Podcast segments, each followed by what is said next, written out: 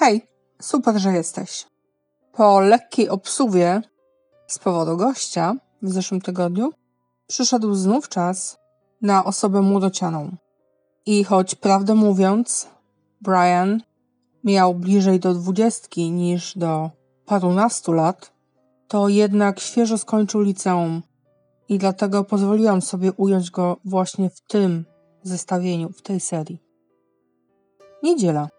25 lipca 2004 roku Liverpool. Brian Mark Blackwell wraca do domu i morduje swoich rodziców. Następnie udaje się na wakacje życia ze swoją ówczesną dziewczyną.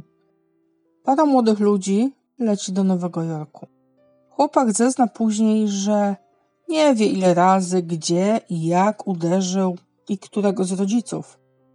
Powie też: Nie mogę uwierzyć, że ktoś może tak łatwo umrzeć. Końcówka lat 60.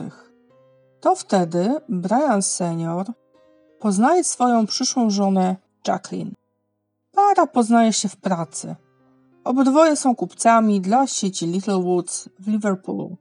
W innych źródłach jednak znalazłam informację, że Jacqueline była dealerką antyków, a jej mąż, którego imię tak naprawdę to Sydney, ale każdy nazywał go Brian, więc będę używała oczywiście imienia Brian Senior. Był emerytowanym księgowym i wszyscy nazywali go Big Brian, czyli Duży Brian. Na ich wspólne małżeństwo przychodzi jednak poczekać 20 lat. W tym czasie ich związki wygasają. Brian i Jackie biorą rozwody. W 1986 roku witają na świecie syna i dopiero wtedy wkraczają na ścieżkę wspólnego życia. Małżeństwo zamieszkuje w spokojnej, zamożnej mieścinie zwanej Melling w Merseyside, niedaleko Lancashire. To są północne obrzeża Liverpoolu. Brian Jr. uważany jest za miłego, ułożonego, grzecznego, mądrego i bystrego chłopca. Znajomi rodziny wprost nazywali go synem idealnym. Poza dobrym charakterem i nieskazitelnym zachowaniem, chłopiec był bardzo uzdolniony akademicko i do domu przynosił same piątki albo szóstki. Cholera wie, jak to tam teraz w Polsce wygląda. Początkowo chłopiec uczęszczał do Scarisbrick Hall, prywatnej placówki na obrzeżach Lancashire, ale w 1989 roku rodzice przenieśli go do Liverpool College w Egworth. Ten przybytek edukacji kosztował ich jedyne 7300 funtów rocznie. Brian Christian, dyrektor Liverpool College, mówił, że ten szczególnie dobrze radził sobie z językami i naukami ścisłymi. Dyrektor wyrażał się o Brianie w samych superlatywach, a grono pedagogiczne wysoko sobie ceniło ciężką pracę nastolatka, który mówił, że chce być lekarzem. Traktowali go jak pokazowego ucznia, wzór do naśladowania i dumę szkoły. Rodzice zaś nazywali chłopaka nie Brian, a Brains, czyli mózg. Większe problemy w rodzinie zaczęły się pojawiać w miarę, jak chłopak robił się coraz starszy.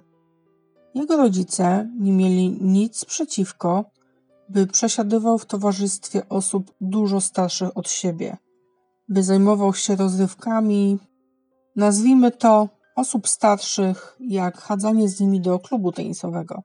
Nie daj Boże, jednak chłopak chciałby być przez chwilę chłopcem i spotykać się z rówieśnikami.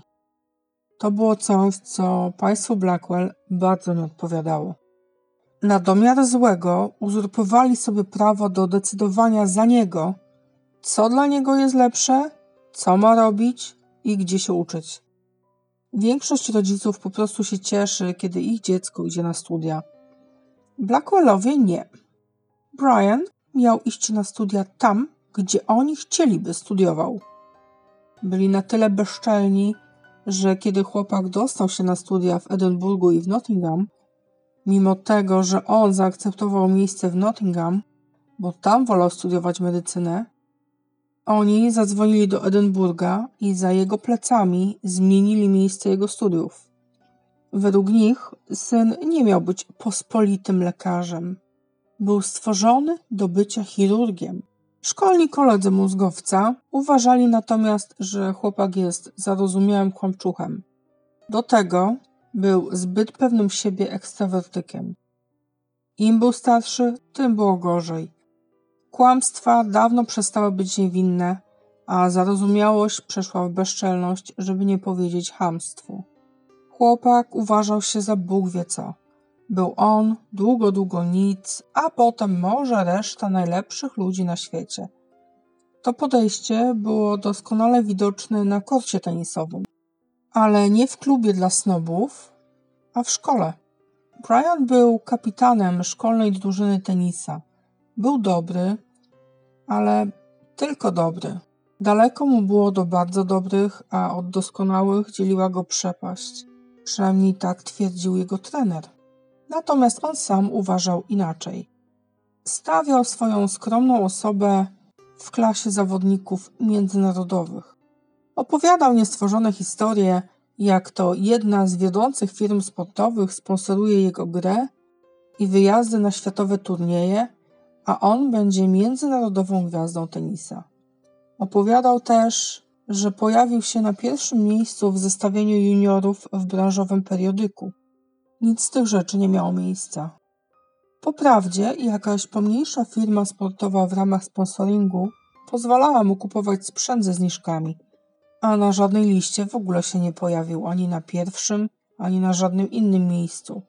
Udało mu się jedynie wygrać zawody młodzików do lat 18 w miejscowym klubie tenisowym.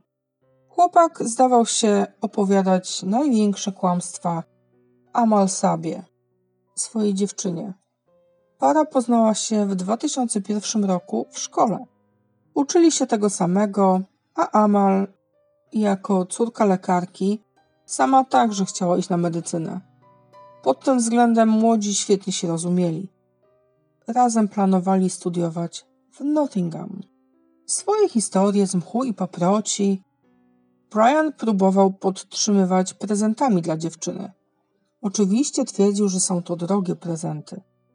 Matka Amal tylko raz chciała go sprawdzić, prosząc o rachunek za pierścionek z brylantem, który ponoć był niebotycznie drogi, w celu ubezpieczenia go.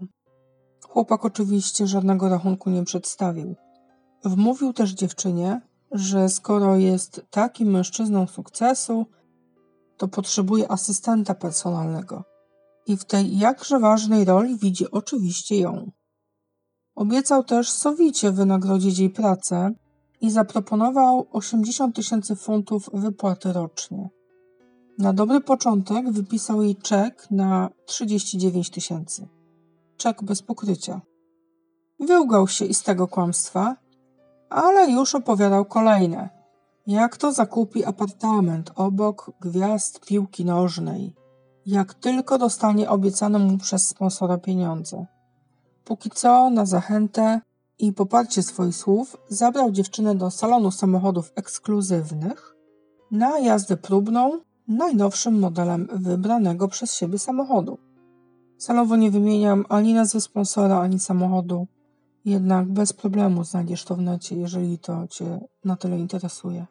W każdym razie poobijali się na jeździ próbnej, a to, że pajac Brian nie miał prawa jazdy, nie czepiajmy się detali. Zawsze mógł powiedzieć, że zatrudni też szofera. W każdym razie, tuż po jeździe, jego panna stwierdziła, że sama chciałaby samochód. I cóż uczynił jej rycerz? Zakupił jej pomniejszego rumaka mechanicznego, płacąc za niego około 9 tysięcy funtów. Tak więc mówił jej, że ma samochód warty 60 tysięcy funtów w 2004 roku i mieszkanie warte niemal pół miliona, bo 450 tysięcy. Tylko jakoś nie było okazji, by ją do niego zabrać. A samochód? Jak już wspomniałam, nie miał prawa jazdy, więc nie mógł jej zabrać nim na przejażdżkę.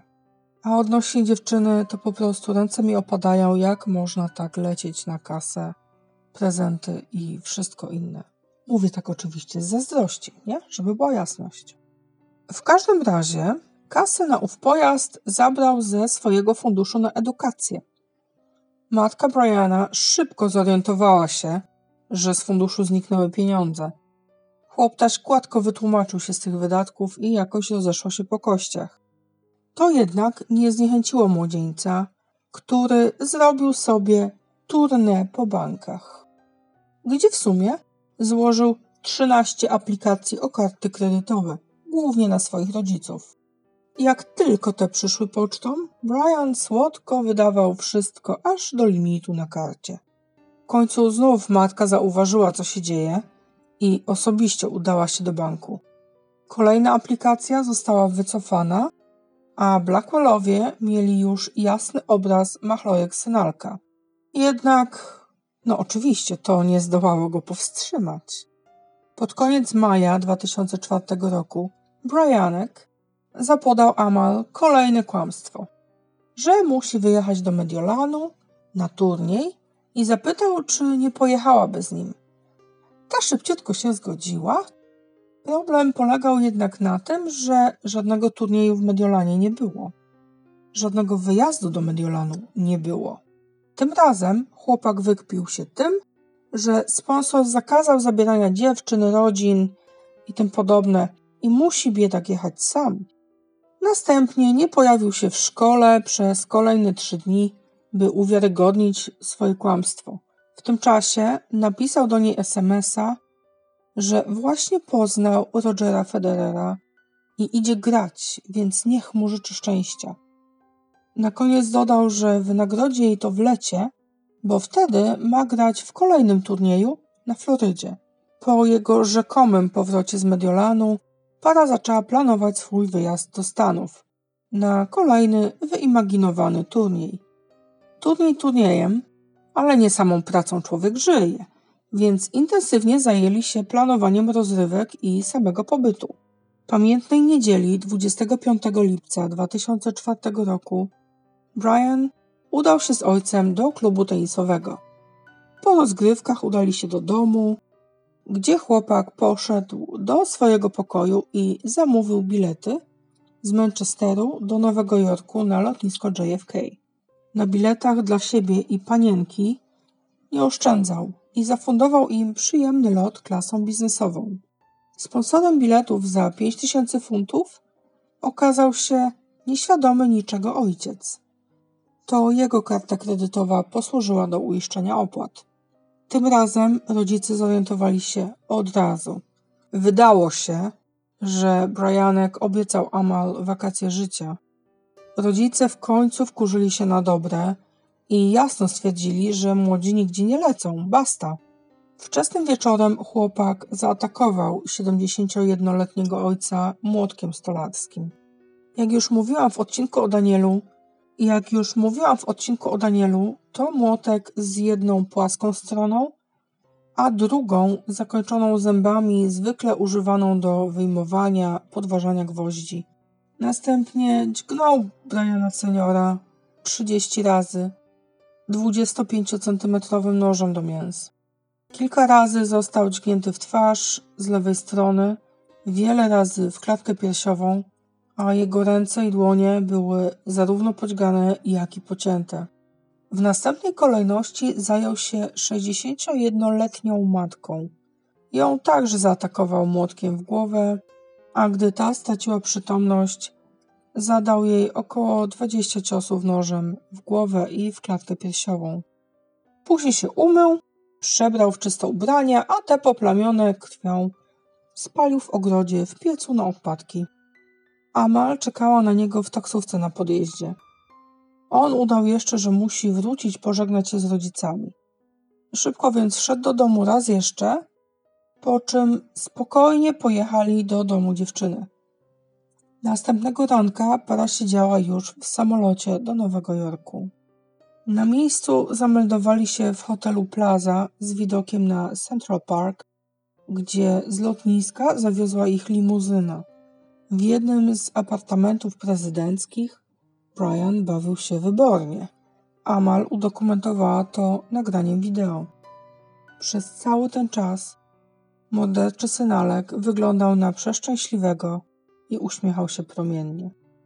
Skoro już zafundował im jeden z apartamentów prezydenckich, to i jedzenie musiało być na poziomie. Zamówili więc homara, ostrygi, kawior i szampana. Rachunek za jedną tylko kolacyjkę wyniósł 3792 dolary i 7 centów. Rankiem powiedział Amal, że ta może spokojnie buszować po słynnej Piątej Alei i kupować na co ma ochotę.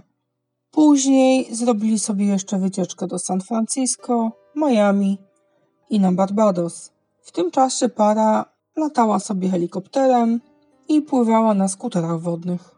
A co z turniejem tenisa, który rzekomo był przyczynkiem całej wyprawy i powodem, dla którego jego sponsor był tak hojny? Och, tam drobiażdżek. Brian powiedział dziewczynie, że pogoda jest nieodpowiednia do grania i cały turniej został odwołany. Ach, jak pięknie się złożyło. Od czasu do czasu chłopak udawał, że dzwoni do rodziców, by powiedzieć, że wszystko jest ok i żeby się nie martwili. Po upojnych dwóch tygodniach i przehulanych 30 tysiącach funtów, 12 sierpnia para wróciła do domu. A tam cisza i spokój. Nikt nie odnalazł państwa Blackwell. Nie było policji, nie było żółtej taśmy i tłumu gapiów. Całe zagraniczne alibi Briana diabli wzięli. Musiał szybko wymyślić, co robić dalej. Z pomocą zupełnie niechcący przyszedł mu sąsiad, Gordon Morris. Zauważył Amal stojącą na chodniku z walizkami leżącymi obok. Podszedł i zapytał, gdzie Blackwellowie. Na co ona odpowiedziała, że nie ma pojęcia, bo nie byli z nimi w Stanach, a polecieli na wakacje do Hiszpanii. Gordon się zdziwił, bo nic o tym nie wiedział, ale w tym momencie pojawił się synuś. Powitał sąsiada i powiedział, że rodziców jeszcze nie ma, a on, biedaczek, nie ma kluczy, chałupa zamknięta. No nie ma wyjścia, muszą jechać do domu Amal. Przez kilka tygodni ciała zamordowanych rodziców rozkładały się w ich domu, a w tym czasie Brian wracał tam kilkukrotnie. Odbijał sobie kortówkę o ścianę i chadzał po domu. Nie pojmuje, że nie przeszkadzał mu zapach, że o robactwie nie wspomnę. Bo że nie przeszkadzało mu zamordowanie rodziców, no to już wiadomo. Przy okazji swoich wizyt w domu chłopak zabierał rzeczy, na których mu zależało albo które miały dlań jakieś znaczenie. Do takich przedmiotów należał na przykład młotek, którym potraktował ojca i ogłuszył matkę. Niemal miesiąc po odebraniu życia rodzicom, 19 sierpnia Brian odebrał wyniki egzaminów ze szkoły. Nadal zachowywał się jak gdyby nigdy nic. Cieszył się, uśmiechał, żartował. Pod względem wyników miał się z czego cieszyć, bo pozdawał wszystko koncertowo. Dostał, można by rzec, świadectwo z czerwonym paskiem. Najlepsze i najwyższe wyniki uzyskał z matematyki, chemii, biologii i hiszpańskiego. Wiedział, że przyjmą go na każdą uczelnię, na jaką będzie chciał pójść.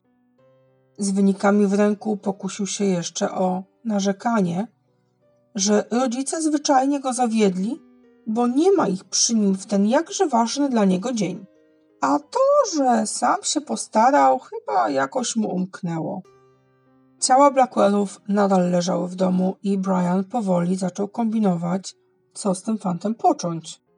Wymyślił, że uda się do Kirby i znajdzie kogoś, kto dom rodziców zwyczajnie podpali. Jak wydumał, tak zrobił.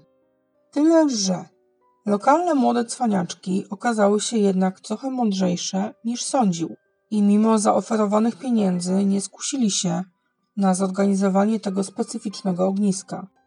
Mało tego, pan mózgowiec zabrał się do całej sprawy od dupy strony.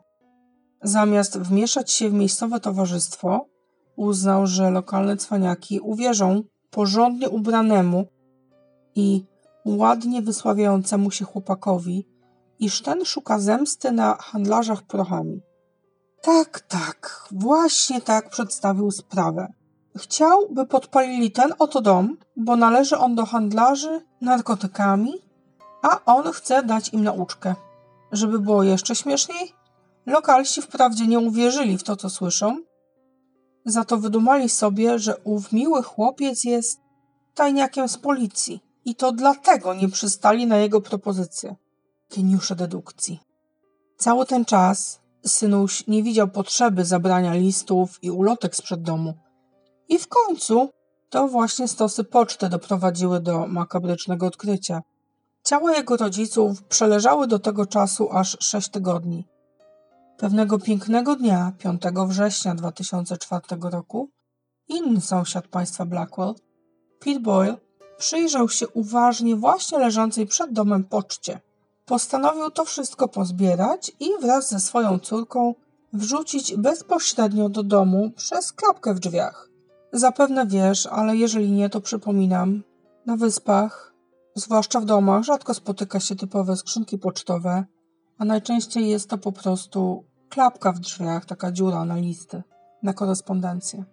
O mało się nie przewrócił, jak zapach rozkładu uderzył go w twarz. Zaczął przyglądać się drzwiom, oknom i próbował zajrzeć do środka. Nie dał rady, bo wszystko było zakryte na czarno muchami. Obszedł dom i podszedł do tylnego ganku. Tam także próbował zajrzeć, zobaczył jedynie czarną podłogę. Myślał, że to linoleum, aż uderzyło go, że to akurat linoleum cało się rusza. Zawołał jeszcze swoją córkę, żeby potwierdzić swoje przypuszczenia, po czym para szybko opuściła posesję i pobiegła zadzwonić na policję.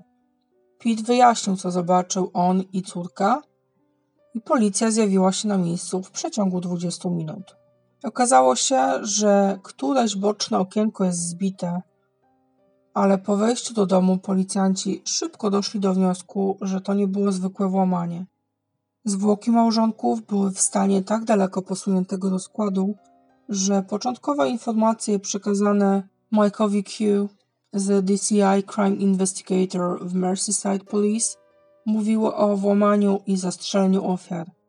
Dopiero kilka dni później, podczas dokładnej autopsji, wyszło na jaw, co tak naprawdę było przyczyną śmierci państwa Blackwell. W tym czasie policjanci szukali już Briana, by przekazać mu tragiczne wieści. Dość szybko odkryli, że chłopak od powrotu ze Stanów przebywał u swojej dziewczyny. Złożyli więc wizytę w domu Sabów, gdzie zastali Amal, jej matkę, a chwilę później pod dom podjechał sam Brian. Śledczy Q przekazał chłopakowi wiadomość i patrzył na jego reakcję. Ten początkowo wydawał się być zszokowany, później zmartwiony i zły, ale szybko się pozbierał i stwierdził, że przecież rodzice są w Hiszpanii, to nie mogą być ich ciała. Później, podczas dłuższej rozmowy z policjantami, Brian zapytał, czy więzienie jest zimne. To jedno pytanie wystarczyło, by Mike Q zdecydował o aresztowaniu chłopaka aż do procesu bez możliwości wyjścia za poręczeniem majątkowym. Podczas przesłuchania śledczy postanowili się nie wtrącać w to, co mówi i dali mu opowiadać swoje bajania. Mało tego, chcąc uśpić czujność Briana, pytali go luźno o to, co porabiał, gdzie był i w żadnym razie nie negowali jego opowieści. Ten natomiast stwierdził, że rozumie, iż jest aresztowany z powodu jego wizyt w domu w ciągu ostatnich tygodni, ale inni ludzie też wchodzili do jego domu i on nie rozumie, dlaczego tamci ludzie nie zostali aresztowani. Uznał też, że policja zadaje mu mnóstwo niepowiązanych ze sprawą pytań, a poza tym to powinien być tam owszem, ale w charakterze świadka, bo według niego udowodnił, że w czasie, kiedy ta zbrodnia została dokonana, jego nie było w kraju. Nagrania z przesłuchania są dostępne w internecie, jeżeli ktoś ma ochotę ich poszukać i samemu odsłuchać. Gdy on był przesłuchiwany i zatrzymany w areszcie pod zarzutem podwójnego morderstwa, technicy kryminalistyczni przeszukiwali zarówno dom rodziny, jak i dom Sabów. To właśnie u Amal, w garażu, znaleziono torbę należącą do Briana. Pamiętasz, jak mówiłam, że zabierał różne rzeczy, w tym młotek? Właśnie dostarczył policji bardzo solidny i namacalny dowód w sprawie. Młotek i klucze do domu, do którego, jak cały czas twierdził, nie mógł się dostać, bo ich nie miał. Wtedy w pokoju przesłuchań nastąpiła zmiana. Przesłuchujący go policjanci opuścili pokój, ustępując miejsca kolejnej parze. Ci z miejsca przedstawili Brianowi dowody. Już nie było sensu snuć opowieści. Brian przyznał się do winy, mówiąc: Cały dzień przybijałem gwoździe, by powiesić obrazki. W końcu zszedłem na dół i zacząłem kłócić się z rodzicami. Kłótnia z ojcem przybrała na sile, poczułem, że muszę ten atak odeprzeć. Uderzyłem go więc miękką stroną młotka, tą, którą przybija się gwoździe. Jeżeli ktoś może mi wyjaśnić, co to jest miękka strona młotka, to poproszę. Bo przy okazji robienia materiałów kryminalnych poznałam wiele rodzajów młotków i żaden z nich nie był miękki. Tak naprawdę, nawet jeżeli młotek jest gumowy, to on też nie jest miękki. W każdym razie, to uderzenie na chwilę go powstrzymało, zatrzymało.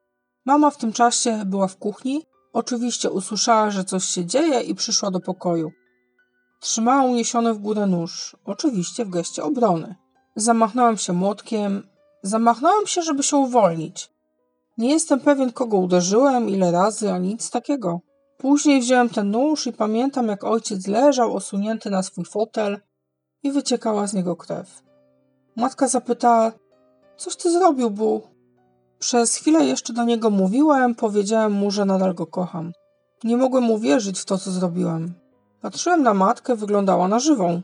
Nie sądziłem, że ostrze wyszło jakoś szczególnie głęboko. Nie wiem, jak łatwo ostrze wchodzi w ciało, ale to było tylko krótkie pchnięcie. Ostrze było jakieś cal od niego za każdym razem. Chłopak oczywiście kłamał, jak zwykle. Czaszka jego ojca pokazywała jasno, że Brian uderzył go w tył głowy, a więc nie podczas kłótni i nie w samoobronie.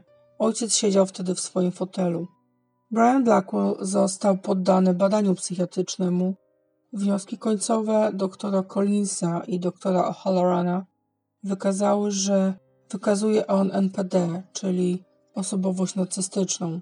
Uznali oni, że w tym wypadku cokolwiek rodzice by tego dnia nie zrobili czy nie powiedzieli, i tak zostaliby pozbawieni życia. Cokolwiek, co przeszkodziłoby mu w spełnieniu jego marzenia o wylocie do Stanów, spowodowałoby manię narcystyczną czy po prostu narcystyczny atak wściekłości. Dla oskarżenia znaczyło to mniej więcej tyle, że zbrodnia, której się dopuścił, nie była planowana. Prokurator Rob Jones, zdając sobie z tego sprawę, zaproponował ugodę. Wiedział, że oskarżenie Briana o morderstwo mija się z celem, bo na procesie zeznawać będą psychiatrzy sądowi. Oskarżył go więc o pozbawienie życia na podstawie ograniczonej odpowiedzialności w chwili popełnienia zbrodni. W innych źródłach wyczytałam, że oskarżycielem w tej sprawie był David Steer. Paul Lewis, obrońca oskarżonego, przyjął propozycję ugody. Wydany 29 czerwca 2005 roku wyrok jest jednak zatrważająco niski. Otóż Brian Blackwell dostał dożywocie z możliwością wyjścia po pięciu latach. Jeżeli tylko biegli psychiatrzy uznają, że nie stanowią zagrożenia dla społeczeństwa, zwyczajnie wyjdzie po pięciu, sześciu latach. Problem polega na tym, że kiedy osoba z zaburzeniem narcystycznym robi co chce i dostaje czego chce, to nie ma problemu z żadną wściekłością. Ale co będzie, jak ktoś mu powie nie? Sędzia przy okazji odczytywania wyroku wyraził opinię, że przy obecnych dowodach lekarze raczej nigdy nie uznają go za osobę niestanowiącą zagrożenia dla społeczeństwa. No ale opinia opinią, a te 5 lat przymusowej odsiadki, a później nie wiadomo, stwarza realne niebezpieczeństwo dla ludzi, którzy będą mieszkali w jego okolicy przyszłości. To już jest koniec tej sprawy, a ja chciałabym dodać, że dziękuję Wam za wszystkie subskrypcje, dziękuję Wam za wszystkie łapki w górę, za komentarze, udostępnienia, oceny na aplikacjach podcastowych, bo zwyczajnie mi to pomaga w rozwoju. Daj znać, co myślisz o sprawie, bo to zawsze mnie interesuje. Co myślisz o zachowaniu Briana? Co myślisz o tym, w jaki sposób zachowywała się jego dziewczyna? Lecąc tylko i wyłącznie na kasę, biorąc prezenty, bardzo drogie prezenty, bez zadawania żadnych pytań, bo może to tylko mnie wydaje się niezrozumiałe. Więc chętnie poznam Twoją opinię w tej sprawie. Na dzisiaj to już jest wszystko. A tymczasem dobranoc.